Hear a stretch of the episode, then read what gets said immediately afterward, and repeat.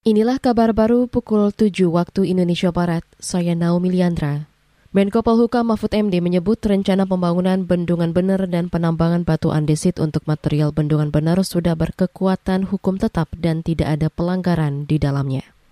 Tidak ada pelanggaran hukum pada rencana pembangunan atau penambangan batu andesit di desa Wadas ini karena sebagian warga yang menolak sudah pernah mengajukan gugatan pe, ke pengadilan tata usaha negara hingga putusan kasasi di tingkat Mahkamah Agung yang semuanya gugatan itu ditolak. Artinya program pemerintah itu sudah benar sehingga kasusnya sudah lama inkrah atau berkekuatan hukum tetap.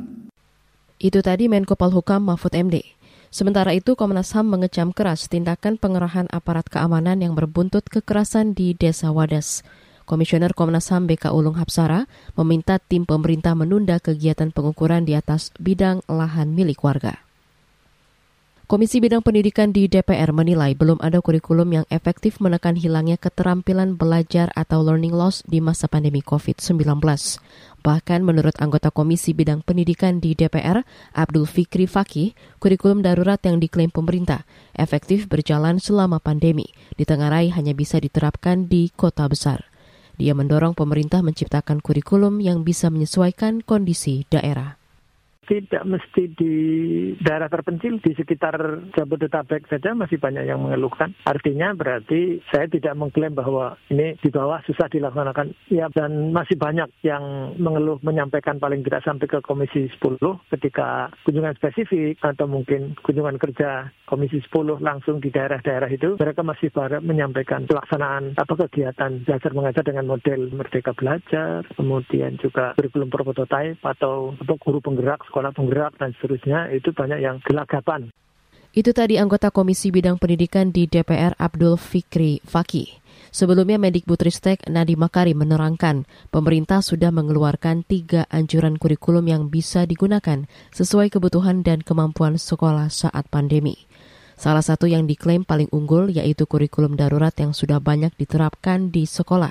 Menurut Nadim, kurikulum darurat merupakan kurikulum ringkasan atau bentuk sederhana dari kurikulum 2013 yang digunakan sebelumnya.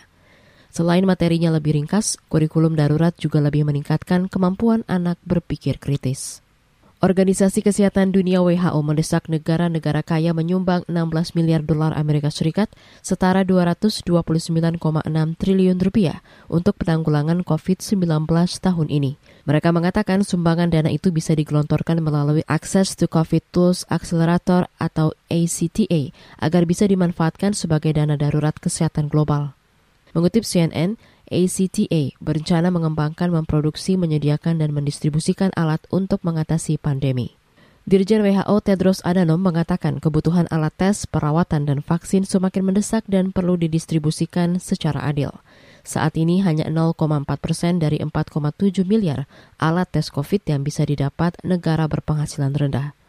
Selain itu, hanya 10 persen orang di negara miskin yang telah menerima setidaknya satu dosis vaksin corona. Demikian kabar baru KBR, saya Naomi Liandra.